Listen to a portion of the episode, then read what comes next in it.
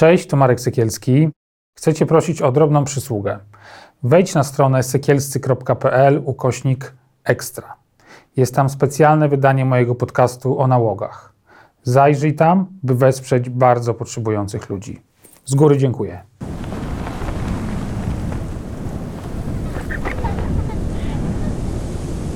Ten program oglądasz dzięki zbiórce pieniędzy prowadzonej na patronite.pl ukośnik sekielski.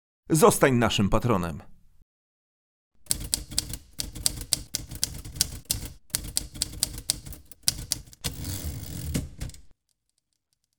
Damian Gruszczyński i kolejne spotkanie z cyklu z innej strony.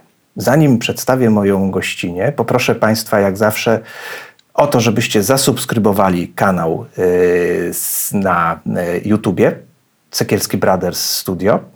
To jest y, jedna prośba. Żebyście zasubskrybowali stronę internetową sekielscy.pl, żebyście poszukali naszych rozmów na Spotify i tam także zasubskrybowali. Zachęcam do tego, żebyście Państwo także komentowali nasze rozmowy, żebyście je, jeżeli się spodobają Państwu, polubiali je. A na koniec e, bardzo skromna prośba też e, o to, żebyście Państwo nas wspierali na stronie patronite.pl ukośnik Sekielski. Na tej stronie, o której wspomniałem na początku, sekielscy.pl, znajdą Państwo rozmowy wszystkich twórców, którzy w studio, Sekielski Brothers Studio działają. Wszystkie rozmowy, więc także i tą naszą dzisiejszą. A moim gościem jest dzisiaj osoba, którą tak naprawdę trudno określić. Bo jak zastanawiałem się, w jaki sposób e, Ciebie przedstawić, to e, wyszło mi na to, że ta cała rozmowa musi Ciebie przedstawić, że nie da się Ciebie w jakiś sposób e, sklasyfikować. Sami Państwo stwierdzą pewnie to samo. Można by powiedzieć, że jesteś podróżniczką. Można by powiedzieć, że jesteś artystką, E, zajmujesz się grafiką e, koncepcyjną, grafiką komputerową. E, współpracowałaś z deviantart.com. To jest jedno z najbardziej prestiżowych miejsc w sieci, które gromadzi artystów koncepcyjnych, że jesteś fotoreporterką. To jest mało, prawda? To, co tobie powiedziałem. Moim gościem jest dzisiaj Kila Zamana. Cześć, Kilo. Cześć zacząłem tak y, dosyć rozbudowany sposób y, i to mam nadzieję zaprosi Państwa do wysłuchania tej niezwykłej historii, ponieważ w opowiadaniu o Tobie postanowiłem zacząć od końca. Postanowiłem mm. zacząć od Twoich ostatnich pasji i zadam Ci takie pytanie. Pamiętasz, kiedy pierwszy raz w życiu zobaczyłaś morze? To jest najciekawsze, jakby puenta jednocześnie to będzie. To, to jest taki wniosek. Ja tak naprawdę nigdy nie byłam powiązana z oceanem ani z morzem, a nawet więcej. Ja miałam po prostu taką fobię przed wodą z oczywistych powodów, bo po pierwsze kiedyś e, topiłam się, a po drugie wynika z tego, że ja mam implant ślimakowy, czyli e, jestem osobą powiedzmy niedosłyszalca, ale to jest inny temat, o co chodzi z osobą niedosłyszalcą, bo to są różne klasyfikacje. Um, no i wynika z tego, że ja mam implant i jak pada deszcz, muszę y, chronić swoje urządzenie, które jest, to jest elektroniczne urządzenie, przed wodą. No i, y, no i sobie tak wyrobiłam mnóstwo powodów, żeby porządnie znielubić y, morze, oceany, w ogóle klimat, środowisko morskie. Ale kiedy pierwszy raz je zobaczyłaś, tak, znaczy, Kiedy znaczy, to było? Pierwszy raz zobaczyłam je, bo urodziłam się w Rhode Island, czyli przy oceana, ale A. tego nie pamiętam.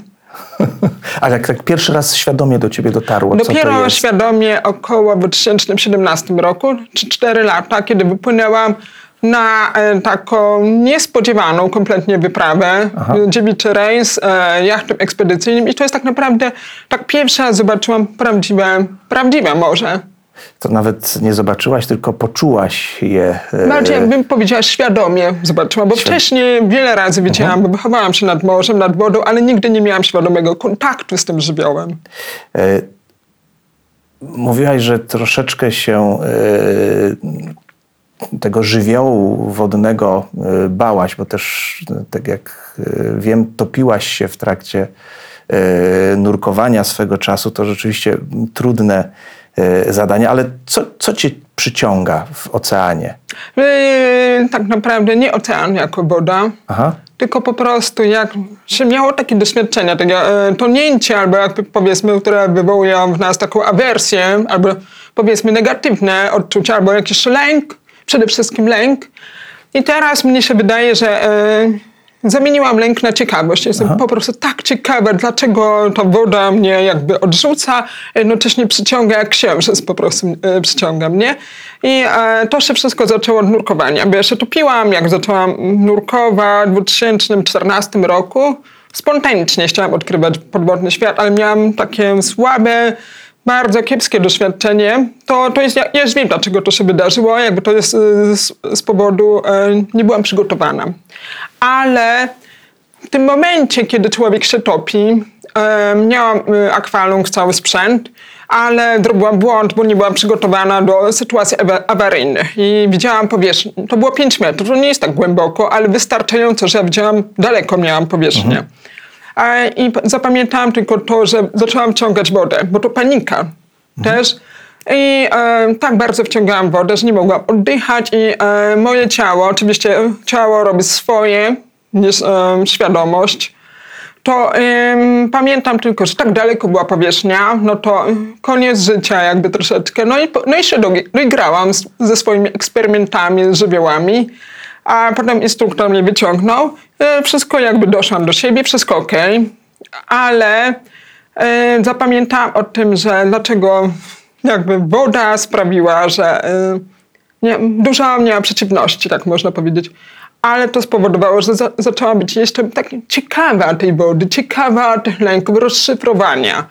Czyli jak zaczęłam e, oswajać się z wodą, to, to jest powolny proces, bo to żeglowanie, albo też podchodziłam, miałam kolejne próby e, z nurkowaniem, to zaczęłam bardziej obserw- obserwować swoje ciało. Dlaczego ono tak reaguje? Niesamowite, niesamowicie byłam po prostu ciekawa tego wszystkiego. Więc jak do twojego pierwszego pytania, znaczy nie to, że pytania, tylko jakby definicji, kim jestem tak naprawdę, e, ja też nie umiałabym odpowiedzieć jednym słowem, ale jakbym miał opisać jednym słowem, bo nurkuję, e, żegluję, latam na paralotni, róż, różne mam pasje, ale jednym słowem jest po prostu ciekawość. Jak się zamienia lęk w ciekawość? E, Jak ty to robisz?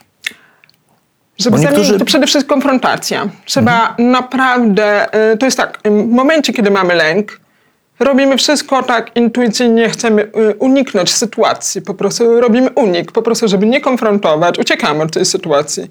Ale ile można uciekać? Ja, mnie się wydaje, że to jest wszystko z, y, powiązane z tym, że miałam wiele życiowych sytuacji, że unikałam, uciekałam tak bardzo od konfrontacji, że ewentualnie byłam w takiej sytuacji pułapce, no to ucieczka nie, nie była jakby rozwiązaniem.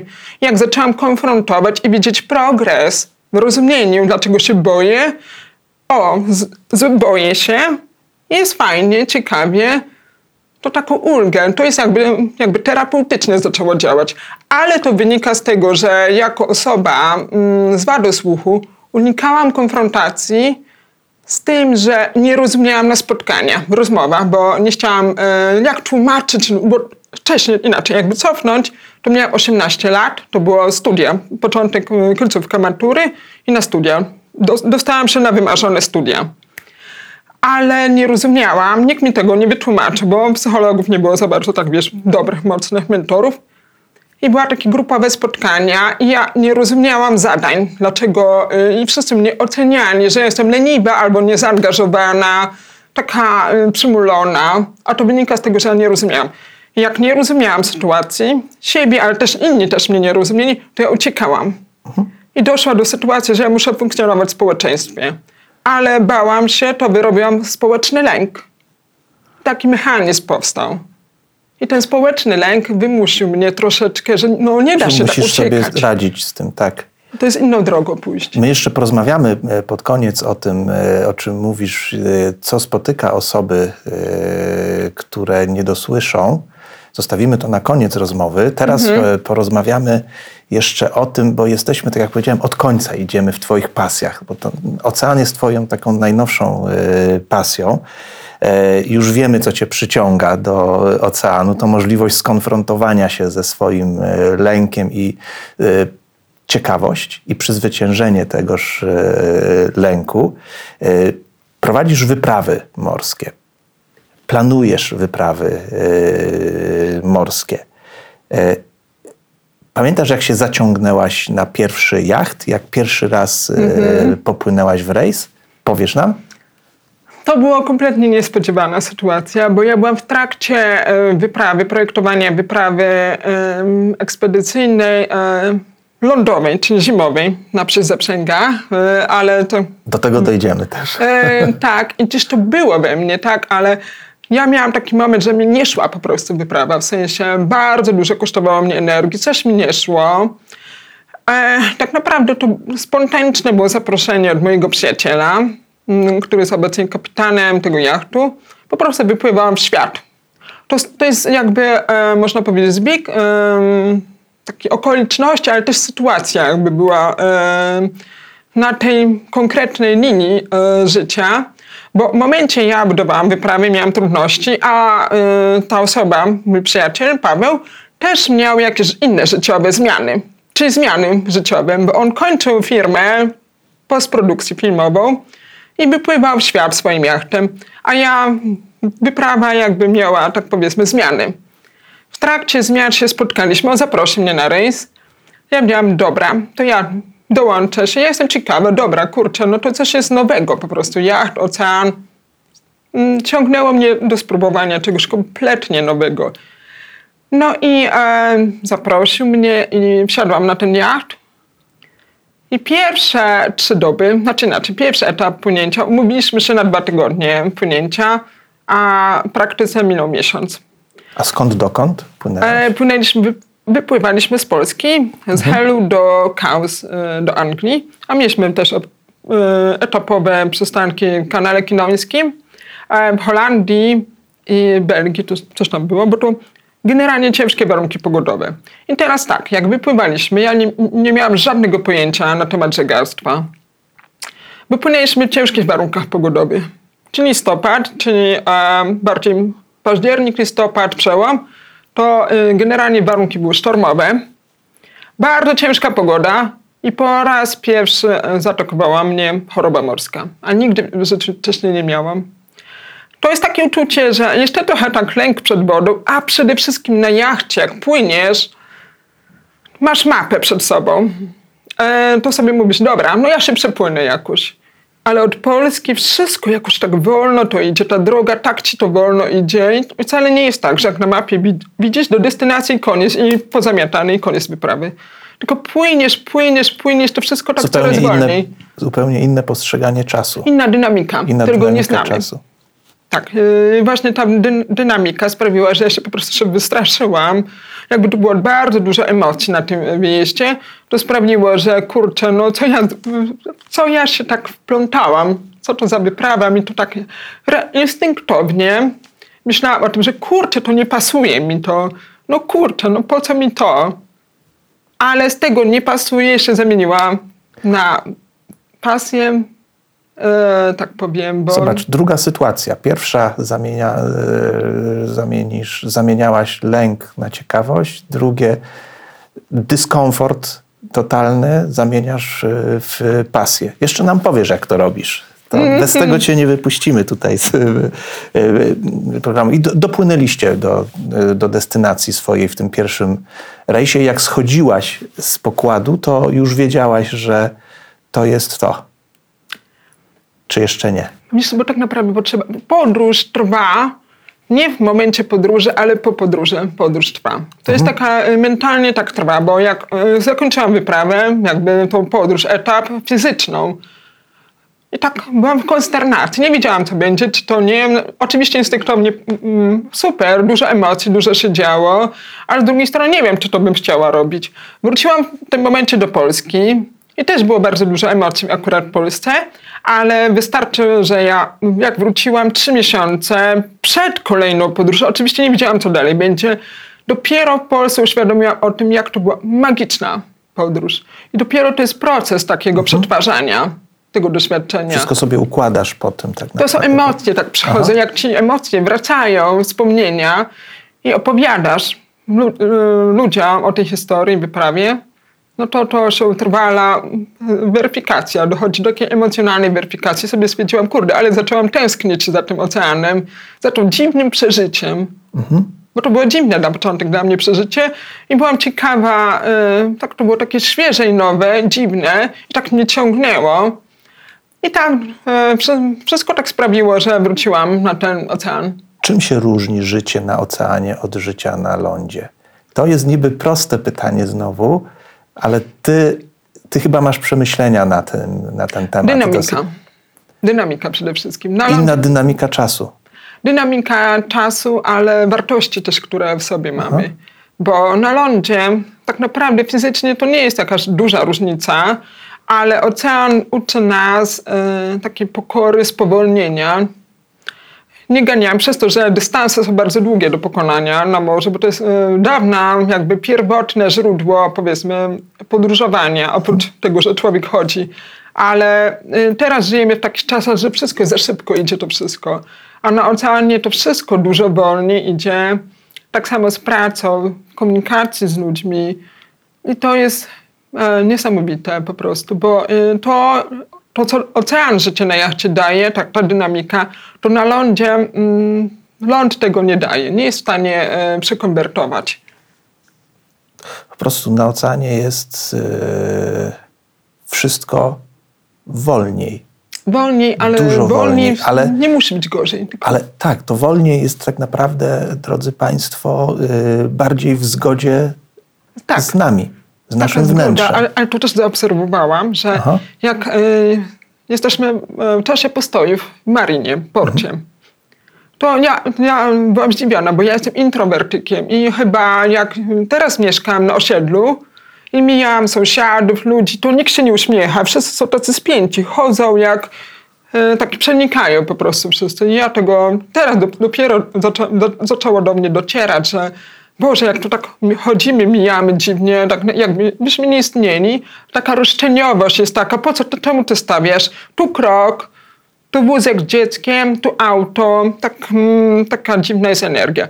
A w Marynie Porta wszyscy żeglarze, nie wszyscy, bo to jakby nie, nie generalizować, ale większość, niezależnie od statusu można powiedzieć, czy masz taki mały, skromny jacht, czy super jacht. Wszyscy się uśmiechają, witają, chodzą wolno, nikomu się nie spieszy. Jest też taka energia wśród ludzi. Są w innym porcie. świecie. Tacy są spowolnieni. w- są w innym świecie. To my nawet określamy teraz spowolnienie jako odniesienie do wzorca szybkiego życia, takiego przyspieszenia. Ale może to jest nasz naturalny stan. A to jest pra- dobry, powiedzmy, prawidłowy, bo e, tak trzeba, kiedyś poznawaliśmy ludzi powolutku. No rozmawiamy, nie spieszymy się, chociaż nie, nie chodzi o to, żeby nie spieszymy się, żeby nie tracić czasu, ale po, zbudowanie zaufania czas. A jak e, bez e, czynniku e, czasu, no to nie budujemy jakby zaufania, bo nie da się tak naprawdę zaufanie, takie nienamacalne e, relacje międzyludzkie na skróty, nie ma skrótów. Między, Nie ma skrótów, to zwłaszcza bardzo dobrze y, się czuje, kiedy się stoi na kotwicy długo, prawda? To chyba y, jedne z Twoich najpiękniejszych przeżyć. To, y, tak jak gdzieś czytałem, ten czas, kiedy staliście bardzo długo na kotwicy gdzieś w. I To był okres pandemii. Tak, i musieliście y, żyć jakby y, jeszcze w zupełnie innym świecie, prawda? W świecie zamkniętym przez pandemię, jeszcze w tym świecie zamkniętym przez jacht. Jak to było? Bo wcale Ale nie to było nie było źle, takie prawda? proste, no bo ja mimo wszystko, pomimo tego, że ja tak naprawdę trzeba też pamiętać, że ja spędziłam y, większe życie y, jako osoba w cywilizacji, tak, bo chciałam kiedyś y, tworzyć gry komputerowe, pracować dla tak zwanych game industries, a to jest korporacje są na mega wysokim tempie, e, tak powiem, życiowy, kariery, tworzenia i komunikacji. I ale to jest tak, taki, taki, taki był mój cel i założenie. I od kiedy, to jeszcze mam takie jeszcze przyzwyczajenia, tu są we mnie jeszcze to, pomimo świadomości, że takie spowolnienie, powolny tryb życia jest dobry, dużo lepszy dla mnie, ale tu jest takie mm, przyzwyczajenia, są też takie, mam troszeczkę takie małe ADHD, tak się mówi. I to było trudne, nie było łatwe życie na kotwicy, ale pandemia ułatwiała, sam fakt, że jest lepsze przyzwolenie na to, że możemy z, e, zwolnić. Bo presją jest e, tak jakby trzeba mm, taki system, w którym żyjemy, zarabiać, trzeba e, tak nadążyć, nawet social media. To jest też taki problem, że trzeba nadążyć z, ty, z tyloma postami, relacjami podróży. A, a tu była pandemia, to przynajmniej było przyzwolenie społeczne. Na zwolnienie. I takie, i dlatego tak z przyjemnością się spędzała czas na kotwicy. Czy co oznacza nazwa Malaika? Malajka to y, oznacza anioł. Y, W języku y, swahli, takim afrykańskim, nie wiem czy dobrze wymawiam ten język swahli, afrykański, oznacza anioł, taki wiesz, tak zwany, bo ja ob- obejrzałam niesamowity film kobiet, które Afryka, Afrykanek, to jest wschodnioafrykański region, gdzie one śpiewają Malajka, my angel, to jest anioł. Czy jacht ma duszę? Ja wierzę, że tak. Każdy jacht ma swoją duszę. E, Nie byłoby e, ani zdrowe, ani dobre, ani mm, nie miałoby sensu, jakby ktoś twierdził, że jacht jest tylko tak jak kubek przedmiotem. A dlaczego jacht ma duszę? No bo y, przede wszystkim, em, jak, bo on jest naszym domem jacht, a jednocześnie naszym zaprzęgiem, można powiedzieć, przed świat. On, jacht, bo musimy budować relacje z jachtem, który e, nas powoży przez te e, warunki, tak powiedzmy, nieprzyjazne dla człowieka. Jest naszym partnerem, można powiedzieć, podróży, którą odbywamy. Tak, to wynika z tego, że ja, ja też mam jeszcze silniejszą wiarę w jego duszę, bo y, jeździłam na przy zaprzęgach, ale oczywiście psy są prawdziwie żywymi istotami i one, y, lider jest twoim partnerem. I strasznie jest ważne, żeby patrzeć na jacht, może być samochód, cokolwiek, co posiadamy i pomaga nam w podróży, traktować ich jako naszych partnerów, a nie powiedzmy pies, a nie coś, co jest niższej hierarchii. Dlatego jacht e, jest, e, jeżeli zaopiekujemy się emocjonalnie więź jachtem, to będzie nam dużo łatwiej pokonać e, techniczne trudności związane z nim. Techniczne trudności czasami da się pokonać, jeżeli ma się odpowiednią wiedzę. To też. Prawda? Absolutnie. To A- jest jeden ze składników. A o tą wiedzę to ja ciebie zapytam. Uprzedzałem, że tak będzie. Na tym się znasz bardzo dobrze. Możesz, oczywiście widzowie to zobaczą, możesz określić, e, jak się nazywają te. Te e, kierunki wiatru. Tak. To jest proste, prawda? To jest taki elementarz. Taka że- ciekawostka jest, e, że e, każdy, bo ja miałam kurs e, Airwaya, Yacht Master, czyli e, kurs e, angielski. Każde pojęcie z nich ma inne, in, innym języku inaczej to brzmi. Aha. To jest kurs na wiatr, for the wind, czyli tam, gdzie wieje wiatr, jak, to jest kierunek, jak wieje Czyli wiatr. generalnie nie upłyniesz w takim Nie płyniesz, no kursie. bo y, fizycznych możliwościach to się Nie da po prostu tak. płynąć. A jeszcze tak przerwę. Potem będę mieć ciekawą zagadkę dla ciebie. Dobrze. Ale najpierw opiszę. A to jest e, by wind, czyli e, około 45 stopni, 40 stopni pod Mhm. wiatr. E, pełny kurs e, i tak. A potem, Co się dzieje w tym kursie? Na wiatr takim ostrym? Bo jacht to jest bardzo fajny kurs, bo jacht czasami nienawidzony przez wielu żeglarzy, bo płyniesz pod wiatr, ale bardzo często to jest, zależy od kierunku swellu, czyli fali, ale cze- najczęściej to jest pod falę. I e, jacht wtedy przechyla się. Jest takie fajne uczucie, że tak płynie, ale jeżeli jest duża fala, no to to jest, no jak to się mówi, e, bang against the waves, czyli e, Przebijasz się, takie, tak jak przebijasz, ale to jest takie tak. nieprzyjemne uczucie przechyłu to jest kosmiczne uczucie antygrawitacji, bo tutaj najciężej w tym kursie, najciężej jest pójść do toalety. Bo wszystko jest na przechyle, wszystko tak się przewraca i tak trzymasz. A to czasami jest tak, że y, tym się różni żeglarstwo śródlądowe od oceanicznego, że czasami w takim jednym halsie tak zwanym idzie się przez na przykład jeden dzień, prawda? Albo przez długi czas. E, tak, czas spowalnia, przede wszystkim, prawda? że tu się niewiele dzieje, bo Tak. na żeglarstwie takim lądowym, śródlądowym czy tam mazurskim, to halsów masz, powiedzmy, dużo się dzieje, przede wszystkim Tak. dynamika się różni. A na oceanie na jednym halsie możemy pięć dni i nie zmieniasz, nie ma Jak tu do toalety w wejść? No to tak jest. Kolejny kurs. E, to jest e, beam reach, czyli e, półwiatr. Półwiatr moim zdaniem jest mój ulubiony. Czyli wieje e, prostopadle. A ten, a ten kurs to jest e, backstack, czyli z wiatrem. E, no jest tak, średnio lubię backstack. A to jest e, kurs na motyla, tak zwany po angielsku, e, to miał inne, inne pojęcie, że wiatr wieje z, totalnie z rufy, ale tu jest bardzo trudne ustawienie żagli, bo żagle, to zależy od jachtu. Śmigają. Trzeba zazwyczaj ustawia na motyla, czyli e, przedni żagiel, fok czy tam genuę stawiamy po na przykład prawej, po lewej stronie, a drugi żagiel, czyli grot po drugiej stronie. Ale to trzeba tak zbalansować, żeby, e, żeby nie... Nie dostać w głowę bombem. Tak, to trzeba bardzo uważać. I teraz tak, dla ciebie jest taka zagadka. Który według ciebie kurs jest najszybszy? Wiesz co, to nie jest dla mnie trudna zagadka, bo ja jestem żeglarzem. Ale powiem ci, zależy od Dobra, żeglarza. Najszybszy, najszybszy, najszybszy jest tutaj, tu.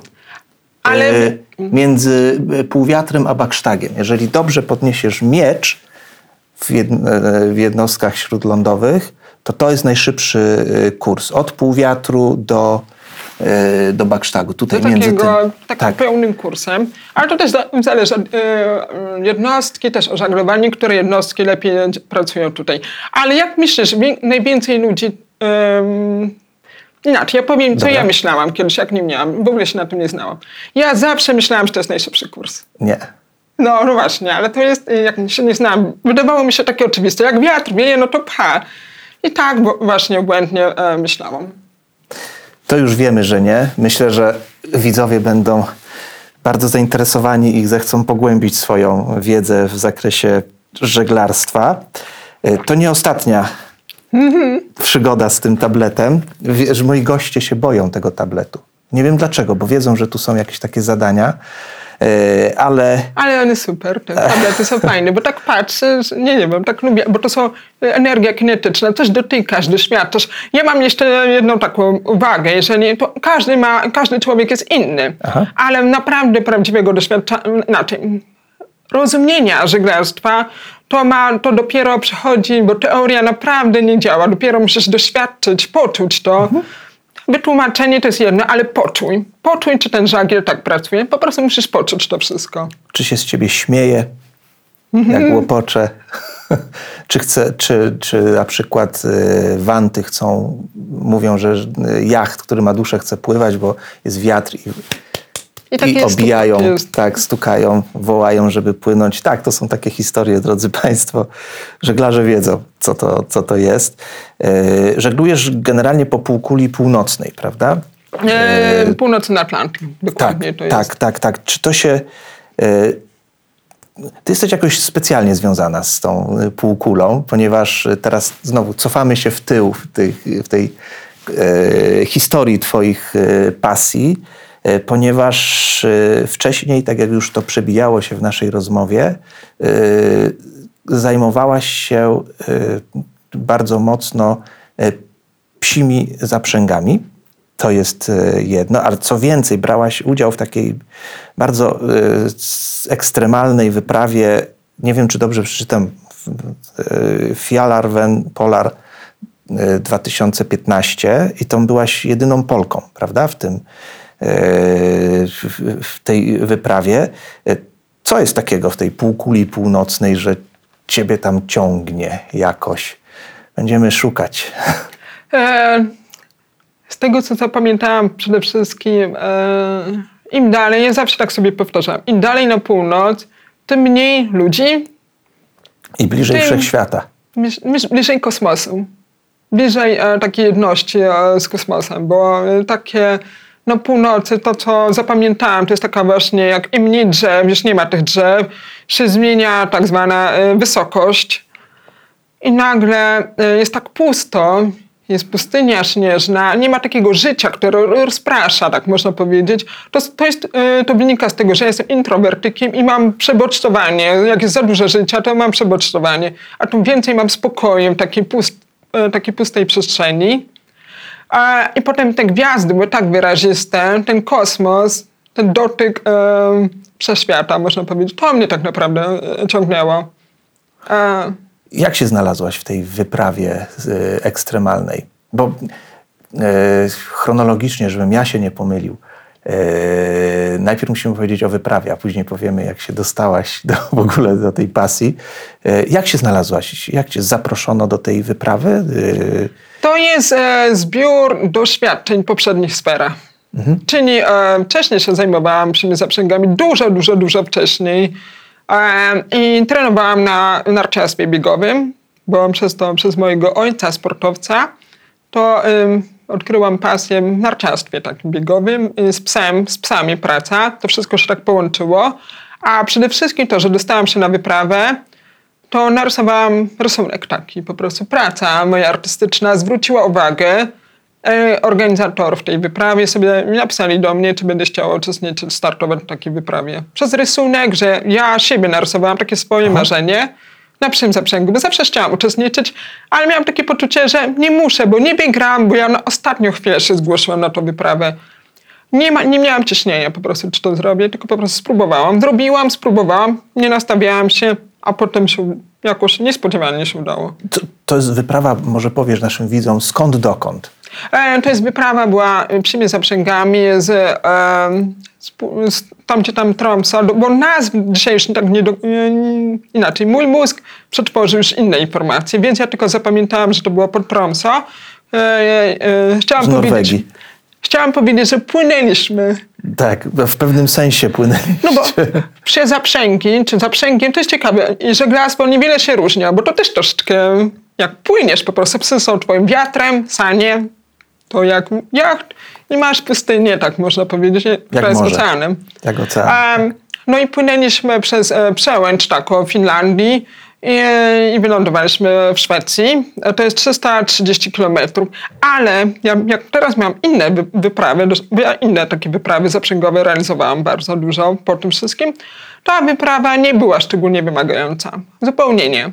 Więc to była, e, powiedzmy, trwała ale, ale to, co było wymagające w, tej, e, w tym odcinku, bo dystans i jako forma tego odcinku, no powiedzmy prosta. Ale co sprawiło, że to było trudne, bo mieliśmy najgorsze warunki pogodowe. To pogoda po prostu. Burza śnieżna. Ale bardzo ciężkie warunki, bo potem są kolejne edycje tej wyprawy, tej konkretnej. I już nie było tak trudno. edy- edycjach nigdy już nie było to, co mieliśmy. I wszyscy zapamiętali, że były najgorsze, nawet jako mieliśmy mentora, który jest, ma najwyższy, można powiedzieć, e, nie wiem, tak uznawany e, w środowisku outdoorowym, takim survivalowym i tak dalej. E, Skulman.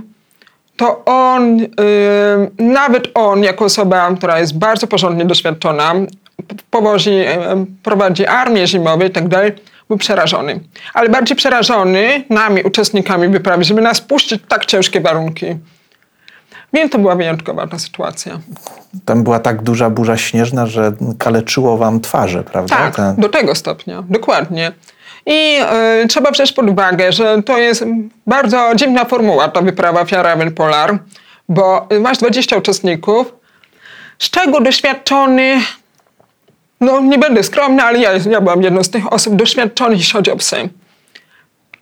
E, może dwie osoby, ja i taka jedna osoba, reszta to było outdoorowo, ale cała jakby 70% uczestników kompletnie zielony w tym temacie, więc formuła e, była bardzo mm, specyficzna. Wymagająca bardzo, prawda? Wymagająca, ale to taki mm, eksperymentalna, można powiedzieć. I nawet było tak, że, czas, że, że prowadziłaś całą grupę, prawda? E, Musiałam, to, to była moja siła, jakby dobra e, strona, że ja na tej wyprawie miałam doświadczenie z psami. Mm, Rozumiałam ich język i więc e, to pomagałam troszeczkę uczestnikom. E, Bo to nie są psy tak naprawdę, prawda? To jest, e, to, to jest, to jest taki gatunek pomiędzy psem a wilkiem, prawda? Są tak zwane psy północy. Zależy o jakim psie zaprzęgowym mówimy, bo to jest tak bardzo zróżnicowane. Tak samo jak mówimy o artysta, ale kim jest artysta? Bo artysta może być grafik, może być artysta, nie wiem, na przykład e, mm, abstrakcyjne obrazy maluje, e, ilustrator albo tak jak dla gier komputerowych, e, concept artist. Jeżeli ktoś mówi, że ja jestem artystką, znaczy inaczej, dowiaduje się, że jestem artystką, to mówi o tym, a to zróbmy dla mnie, nie wiem, grafikę dla opakowania tego. Ja mówię, ale ja się na tym nie znam. Jak to ty się na tym nie znasz? Ja, nie, ja jestem ilustratorką. Rysuję e, ilustracje, ale nie, nie znam się w ogóle na grafice. I tak To samo jest między psami i wilkami, prawda? I tym, E, Między psami konkretnymi różnymi zaprzęgowymi. Nawet. Zaczynamy od husky, alaskan husky, pies grenlandzki. To są bardzo różne e, cele, jakby można powiedzieć, do czego jest ten konkretnie pies pracujący a, i typ, można powiedzieć. A ty się jakimi psami opiekowałaś? Grenlandzkimi, prawda? Tak, y, moją pasją to są psy grenlandzkie, które są najbardziej pierwotne i najbardziej, e, no można powiedzieć, najbliżej wilka, można powiedzieć, w takim porównaniu. Bo na tej wyprawie Fjaramen Polar to były psy Alaskan Husky, czyli najprościej mówiąc kundle. A kundle są najlepsze, jeśli chodzi o, y, tak powiem, elementy pracy bez oczekiwań tak zwanych. Zapowiadałem, że będzie. Poza... Zadam teraz tobie takie pytanie. Jak tutaj mamy. Yy, a powiedzmy, to jest taki zaprzęg psi. Czy to prawda, że te psy muszą być po, poustawiane w odpowiedniej kolejności, na takiej zasadzie, że z przodu musi być zawsze. Nie będę podpowiadał. Tak, to jest ważne. To znaczy, to, to ma tylko sens ci, którzy znają te psy. Bo każdy e, właściciel musi poznać te psy. Ich charakter. Charakter, bo tu bardziej ustawiamy według e, charakteru, bo trzeba pamiętać o tym, że to są żywe istoty i one się mogą pogryźć, jeżeli źle em, dobierzesz psy. Em, to, to, tam pierwsza para to są liderzy, ale to są psy, które mają inaczej, jako maszer. Maszer, czyli ten prowadzący zaprzęg. E, To, to jest taka najsilniejsza relacja między maszerem a liderami. Chociaż są najdalej. Najdalej, ale zaufanie. Tu chodzi o takie zaufanie. A dużo osób, tak wbrew, wbrew pozorom, psy liderzy to są bardzo często psy łagodne, lękliwe. Absolutnie lider to nie jest taki pies, który jest pewny siebie. Może być, nie musi być, ale e, z tego co poznałam, to są lękliwe wobec innych psów.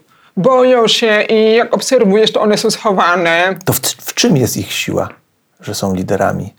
E, Wiesz co, y, bo wynika z tego, że ten pies, który się nie interesuje tymi innymi psami socjalnie, w strukturze socjalnej, to nie będzie się zajmował aferami innych psów. Aha. To, to jest kwestia mieć takiego psa, który nie będzie się interesował innymi sprawami. Bo wyobraź sobie, że taki zaprzęg na- najczęściej na zawodach mija drugi zaprzęg. To jest bardzo trudna sytuacja. Jeżeli masz ten y, psy się wymijają. I tym bardziej lider musi być taki bezkonfliktowy. Tak, tak, musi być takim, który jakby nie zwróci uwagi na te inne Nie psy zwróci, i ale- pójdzie dalej, tak, tak jak chce Tak. Tak. A reszta to już jest takie mniejsze znaczenie. Takie. A najczęściej e, ustawia się psy na końcu najsilniejsze psy, bo to jest największa siła pociągu na końcu. Na start jeszcze, nie? żeby wystartować wtedy, kiedy trzeba najwięcej. A to, Najwięcej. to, to prawda, że na przykład nie można dwóch takich dominujących, mocnych psów, jeszcze, jeszcze, jeszcze. E, czy nie można dwóch dominujących psów obok siebie stawiać, bo się pogryzą w trakcie i E, pokłócą? No to, to pomyśl o tym, jakbyś ustawił, pomyślmy w kontekście ludzi. Jakbyśmy Aha. ustawili e, do pracy nad, projektem, dwóch dominują, dwie dominujące osobowości, to co się wydarzy? No po prostu będą e, w jakiś sposób podświadomie, mm, jak Rywalizować. Mm, Tak, takie konkurować. konkurować i to, to jakby mogą zacząć się kłócić ze sobą i tak naprawdę zaprzęg przestanie wiedz, bo one będą w kłótni. I Mhm. to prawda też, że samiec i samica, że samiec chce się pokazać przed e, samicą i lepiej funkcjonuje. To że... wpływa, dlatego ja się nauczyłam od takiego maszera, że najlepszy zaprzęg, tak samo to się ma do lu- ludzkich relacji, to jest e, jak jest e, bez obrazy do kobiet, bo sama jako kobieta jestem mm, osobą, która będzie podnosić wartość kobiet, ale najlepszy zaprzęg, kiedy jest e, sam, e, samców, od, jak prowadzisz sukę do zaprzęgu, no to to jest natura, też takie hormony po prostu szaleją po prostu, jak jest e, e, słucham zaprzęgu, więc to są bardzo, tak samo w zespole po prostu. My musimy em, tak zrównoważyć to wszystko.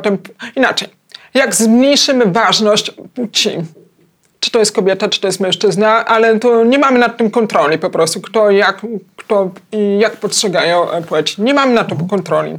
To jest czasami chemia, przekonania, więc e, to jest trudny temat, czy, czy zaprzęg powinien być samców, sami. To jest cały czas e, testowanie obszaru. Ale z tego wszystkiego, co mówisz, wynika, że tak jak pytałem, czy jachty mają duszę, to psy na pewno mają e, duszę, mają charakter i ta relacja między prowadzącym maszerem a e, innymi, e, znaczy z wszystkimi psami jest bardzo mocna, prawda? To jest coś, czego też nie, nie doświadczymy e, na co dzień. Mhm, Dlatego ja zawsze mówię o tym, że jak ktoś myśli o zaprzęgach, Boże, ale to jest fajny, em, taki romantycznie patrzą na posiadanie psiego zaprzęga. Tak naprawdę to jest, dopóki tak naprawdę prawdziwy maszerz to jest ta osoba, która posiada psy i cały czas się uczy tych samych psów po prostu. Budowanie relacji. To jest bardzo monotonna praca, toporna i tak. Ale można w niej poczuć, że ma się partnerów, którzy czują. Mhm, tak. którzy czują i, i z nami e, komunikują w taki sposób, jaki tylko może właściciel psa, ze swoj, e, a tutaj ma tak naprawdę cały zaprzęg, całą grupę. Ale podobnie stado. jest z posiadaniem jachtu. Posiadanie jachtu to jest to samo, co posiadanie zaprzęgu. I też tak, y, może nie, roz, nie komunikujemy się z jachtem słowami, ale tak samo też pomyślę, że psy, oczywiście komendy są tylko jednym malutkim składnikiem rozmowy, ale to jest cały czas na kine, kinetycznym poziomie się dzieje taka komunikacja.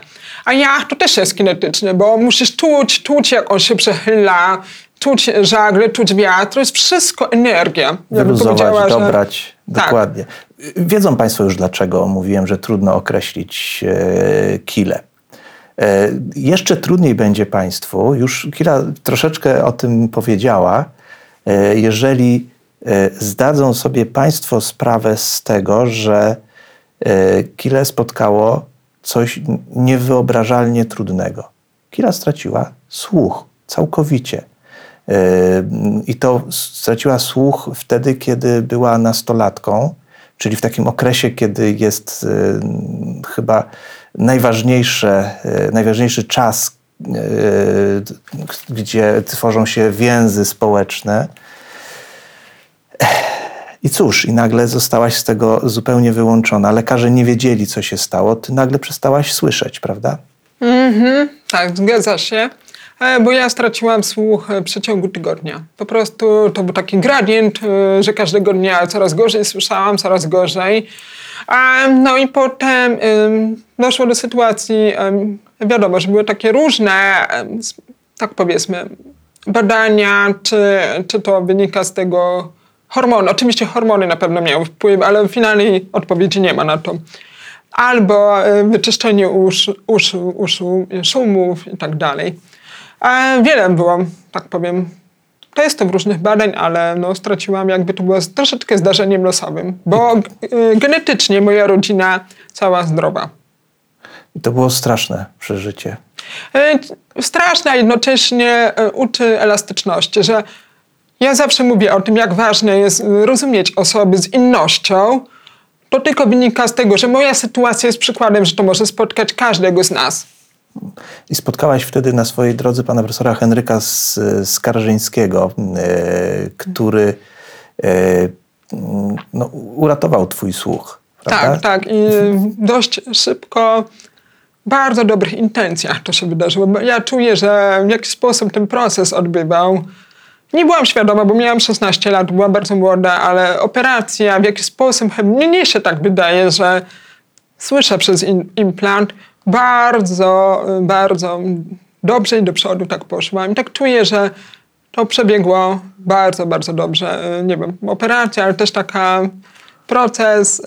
Wprowadzania cię w to, co przed, w trakcie i po operacji. Bo Mm, nie- tak, ja bym powiedziała Samo też- założenie implantu jakby sprawy jeszcze nie, nie rozwiązuje. Trzeba sobie później poradzić jeszcze z tym, w jaki sposób się funkcjonuje. Mhm. Drodzy Państwo, a, y, psz- Problem wcale nie jest taki mały. Nie, wiem, czy Państwo wiedzą, ale w Polsce jest około 500 tysięcy osób, które zupełnie nie słyszą. W Polsce jest około 900 tysięcy osób, które mają poważny uszczerbek słuchu. E, Ale co ważne, 80% spośród tych osób y, nie pracuje. 80% y, jest wyłączona praktycznie z, E, tak, z wyłączona życia jest y, społecznego. społecznego. Tej dynamiki konkretnej. Twoja osoba i Twój przykład y, jest może taki y, skrajny w drugą stronę, ponieważ y, Ty pracujesz aż w zbyt wielu obszarach, no może nie zbyt wielu, w wielu obszarach, y, rozwijasz swoje pasje, idziesz za swoim y, głosem wewnętrznym.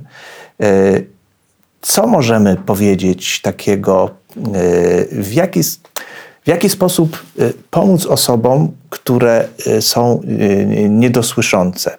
Bo niesłyszące oczywiście są już możliwości operacyjne, żeby słuch przywrócić, ale problem się tutaj nie kończy, bo problem się kończy w tym, że my osoby, które się stykają z osobami nie- nie- niedosłyszącymi albo niesłyszącymi, czasami nawet nie wiedzą, że te osoby inaczej funkcjonują, prawda, w rzeczywistości. Pierwsza rzecz, jak, jakby to przede wszystkim trzeba spojrzeć na problem nie tylko na osoby niedosłyszące, ale też mamy osoby słyszące, choćby powiedzmy zdrowe, powiedzmy.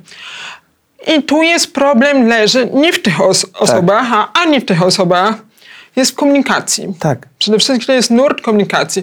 I pierwsza rzecz, jaką muszę przede wszystkim zmienić, e, jakby, to jest definicja, kim jest ta osoba właśnie niedosłysząca, bo tak, teraz tak, wracamy znowu do jakby rozdrobnienia pie- czynników, tak jakby. Pierwszy, tak samo jest artysta, a osoba niedosłysząca, może, bo jest tak, osoba niedosłysząca jest osoba niesłysząca, ale głucha przez wielkie G, tak zwane.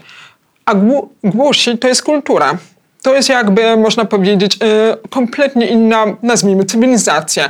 Ale oni bardzo często są z wyboru zbudowali tą kulturę. I więc e, tu nie, e, nie należy im współczuć, jakby troszeczkę jakby szukać tym, że są ofiarami jakiejś tam sytuacji, tylko to są głusi, to jest inna jakby kategoria. To jest kategoria, która tak naprawdę y, przez swoje inwalidztwo ra- radzi sobie w tym y, bardzo Radzi, dobrze. ale Kulturowo jest, jest, mm, dostosowana do tego, że... Oni, oni sami, jako oni, sobie świetnie radzą. Ja zauważ, widziałam osoby, które oni niesamowicie się utożsamiają z językiem migowym i Tak. rozmawiają sobie świetnie, mają super strukturę. To są bardzo fajne osoby, tylko problem jest y, właśnie w komunikacji w systemie, świecie, a, który jest zaprojektowany dla osób y, etykietką. Ty słyszysz tak, mu- musisz rozmawiać tak, musisz jeszcze rozmawiać po, poprawnie po polsku, masz tak się ruszać. I to chodzi o ten system, chodzi o pracę przede wszystkim. A więc ym, nie ma za bardzo firm, nazwijmy firm, środowisk, które mają tak ym, takie możliwości adaptacyjne jeszcze na psychologicznym poziomie z takimi osobami. No i potem są osoby zupełnie inną y, kategorią. Ja jestem kategorii osób implantowanych. CI, tak po angielsku jakby używam. Czyli to osoby, które, e, tak powiem, świadomie uczestniczą w świecie, e, tak powiedzmy, e, normalna, a jednocześnie jestem zmodyfikowana przez technologię, bo słuch Tak. przez implant już nie jest naturalnym słuchem, nawet po tym, jak straciłam słuch albo mam ubytek. Tylko po prostu jest innym, po prostu kompletnie inne dźwięki słyszę, więc to jest jeszcze inna kategoria. E, więc e, jakby pierwsza rzecz, jaką tu muszę się zmienić, jaka jest twoja jakby definicja. A najgorsze słowo, ale to wynika z tego, że jest mylne pojęcie, to jest słowo niepełnosprawny. Bo osoby niepełnosprawne to jest troszeczkę etykieta. Nie jestem sprawny. Ale prawda jest taka, czy osoby niepełnosprawne, czy nie mają nogi, czy inaczej widzą, to są osoby, które mają inne zmysły troszeczkę. Więc to trzeba, trzeba jakby zastąpić może inność. To są jakby troszeczkę inne cywilizacje, można powiedzieć. Czyli można powiedzieć, że trzeba tak naprawdę dokładnie nazywać e, i to jest pierwszy krok do zrozumienia. E, Czyli żeby trzeba to, dokładnie nazwać... wyeliminować Tak, żeby... różnice takie róż- zbyt duże. Tak, ale trzeba dokładnie nazwać tak naprawdę z kim się... e, Żeby to było pozytywne, neutralne, nie może być za bardzo kosmiczne. Nie nazywajmy ich bohat- superbohaterów. Też nie można. Nie, chodzi o to, żeby nazwać, żeby wiedzieć z czym, bo później, jeżeli nazwiemy, Tak, to jest ważne, e, to, to możemy w jakiś sposób e, zbliżać te dwa światy, które czasami Tak, są żeby bardzo się nie różniły. Wystarczy tak naprawdę e, zrozumieć, jakimi, jakie problemy mają osoby niedosłyszące, których sobie nie zdajemy sprawy.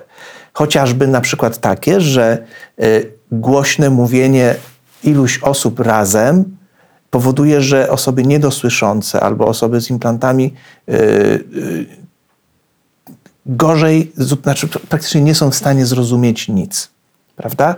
Ale to wynika z tego, że y, nie mają tej, tej energii, takiej atencji, bo ten słuch z implantem to jest też jakby bar, dużo wolniejsze ma procesy jakby. e, I taka rozmowa intensywna to sprawia, że ja nie jestem w stanie skupić się na treści tych rozmów, a jeszcze na, tych sukcesach małych. O, tego zrozumiałam, tego zrozumiałam, ale zaraz, zaraz już przebodźcowanie się robi, Tak. się wyłącza ta osoba z rozmowy. Właśnie, chodzi o to, że wystarczy tylko zrozumieć wśród Tak, osób, że ktoś między nami jest, kto nie dosłyszy i na przykład zacząć rozmawiać inaczej, tak żeby każdy był równoprawny w tej rozmowie. I ta osoba niedosłysząca i my nie mówić naraz. To jest pierwsze, bo ja chcę konkretne wskazania y, podpowiedzieć.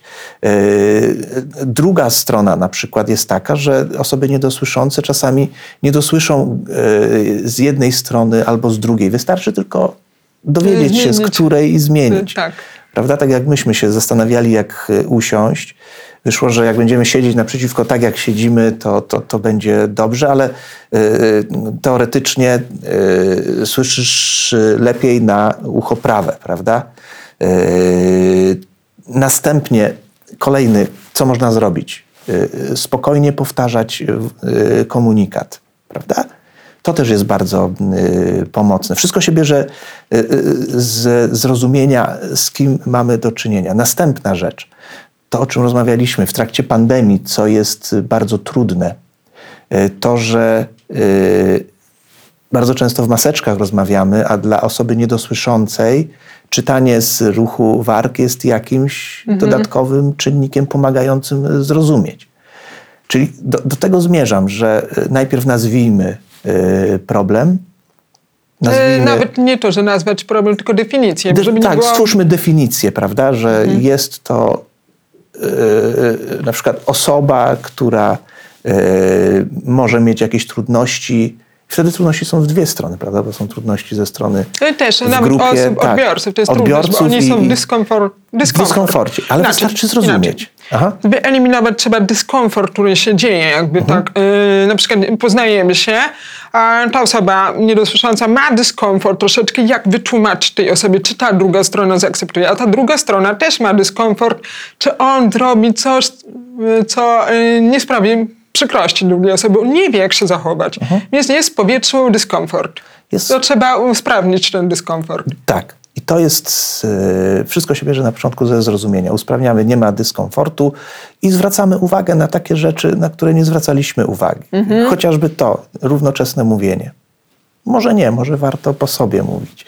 E, Mówienie w, jedne, w jedną stronę, nie wiem, e, z, z, tak naprawdę też e, to, co powiedziałaś, ograniczona percepcja, którą Mhm. przez to osoby, które mają implanty, jakby wolniej to procesowo, e, jeżeli chodzi o sygnały dźwiękowe, E, dotarcie dochodzi. informacji. Dotarcie informacji. Mając taką wiedzę, wystarczy po prostu zwolnić sposób mówienia. Bądźmy po prostu, drodzy Państwo, czujni. Bądźmy wrażliwi na to, że może nam być e, trudniej komunikować się z pewnymi osobami tylko dlatego, że są e, one osobami niedosłyszącymi i to wcale nie jest takie straszne. Wystarczy tylko zmienić swoje e, pewne nawyki. Mam rację? Tak, ale jeszcze je, kolejna warstwa tego, wszy- Tak. tej sytuacji, bo mówimy trochę o tych osobach, które zmagają się z konkretnym tym problemem, a teraz zastanówmy się nad y, osobami, e, powiedzmy, które nie, nie mają tego problemu, bo nie muszą, nie muszą. Ale y, i teraz tak, y, to też trzeba jakby zmienić troszeczkę perspektywę. Zastanowić się. Ja, ja mm, odkryłam, że jest taki sposób. To nie jest sposób, tylko to ja bym powiedziała, że to tak działa trzeba się zastanowić, jak ta osoba, e, powiedzmy, nazwijmy normalna, bo to tak, żeby nie, na, nie nadawać etykiety, bo wszyscy jesteśmy normalni, jesteśmy tym samym człowiekiem, to jest najważniejsze, ale teraz musimy to nazywać, bo to Tak. mm, trzeba nazwać ten Dla, problem. dla zrozumienia sytuacji. Tak, dla zrozumienia i powiedzmy, nazwijmy ich normalnych, to normalni, e, oni też przede wszystkim mają taki dyskomfort. Dla nich to też jest zmiana nawyków, bo e, to jest troszeczkę, o, uważam, że takie osoby, normalne przy osobach e, niepełnosprawnościami, tak w cudzysłowie, mogą mieć bardzo dużo korzyści, mogą się nauczyć. Dla nich to jest super trening. Tak jak mówisz, że trzeba zwolnić rozmowy, a takie osoby, które się spieszą, wiesz, e, socjalnie w rozmowach, tak się zapędzają, przestają słuchać innych ludzi. Po prostu tracą umiejętności takiej empatii, Może powinni wypłynąć na ocean, tam się E, wszystko tak, tak. wolniej dzieje. troszkę to, też e, ocean, Tak. czy taką dynamikę i te osoby jakby niedosłyszące też są takim oceanem. Mhm. Spowolniają ich, a spowolnienie jest zdro, zdrowe, dobre, ale zastanówmy się, pomimo korzy, korzyści dla nich, e, a, to jest jeszcze taka bardzo ciekawa korzyść, jaką oni mają, bo jeżeli oni mówią wolniej na przykład do mnie, do mnie to mają dużo piękniejszą taką wymowę, artykulację tych słów, tak jak prawie, tak jakby dziennikarze, tak Tak, pięknie tak. rozmawiają, to mnie się zaczyna już podobać. To jest dla nich e, improvement, taki progres. Ale co jest najtrudniejsze, to jest e, nie tylko świadomość, wiedza, bo oni też muszą wiedzieć, jak rozmawiać, żeby nie, nie czuć się dyskomfort, urażony, ale też e, zmiana nawyków przede wszystkim. Bo to z przyzwyczajenia mówimy szybko albo gonimy, tracimy atencję, świadomość, troszeczkę taka nasza samokontrola też, świadomość się wyłącza i zaczynamy mówić w takim rozbieganiu, żeby zrobić może, nie wiem, wyjść, to jest stres. To jest bardzo, tak naprawdę bardzo skomplikowane to wszystko. To się nie da im wytłumaczyć. To jest osoba niedosłysząca i tak powinieneś robić tak. Oczywiście możesz korygować zachowanie, ale mm, to jest skomplikowana bardzo struktura. Trzeba cały czas y, trenować, trenować i trenować, tak powiedzmy społeczeństwo. Zobacz, ile, o ilu tematach już rozmawialiśmy. E, zobacz, o ilu tematach, y, o ilu, w ilu tematach bardzo głęboko y, wchodziłaś, bo tak zmierzając do końca naszej rozmowy, chciałem Cię zapytać, jakie marzenie jest przed Tobą, a ja na koniec powiem, gdzie, y, jakie marzenie odnośnie tego problemu, czy wszystkich problemów, o których rozmawialiśmy, jest y, po mojej stronie. Ale najpierw ty powiedz, jakie jest jeszcze marzenie przed tobą? Co, co byś chciała w życiu zrobić? E, Ja takim, chciałabym zrealizować taki projekt, który łączy ekspedycję, wyprawę, czy do tej pory e, właśnie taką, mm, właśnie tą umiejętność outdoorowe, ekspedycję, z misją właśnie, jak tym projektem też zakomunikować do społeczeństwa, żeby była taki progres zmiany, tak wyjścia poza oczywiste, e, swoich barier, ograniczeń. A y, też w tej formule, tej wyprawy, też chcę wspierać ideę implantów ślimakowych. A y, i ta wyprawa, ja powiem, jaka to by była, tak jakby forma. ale Jeszcze nie ma oczywiście finalnej.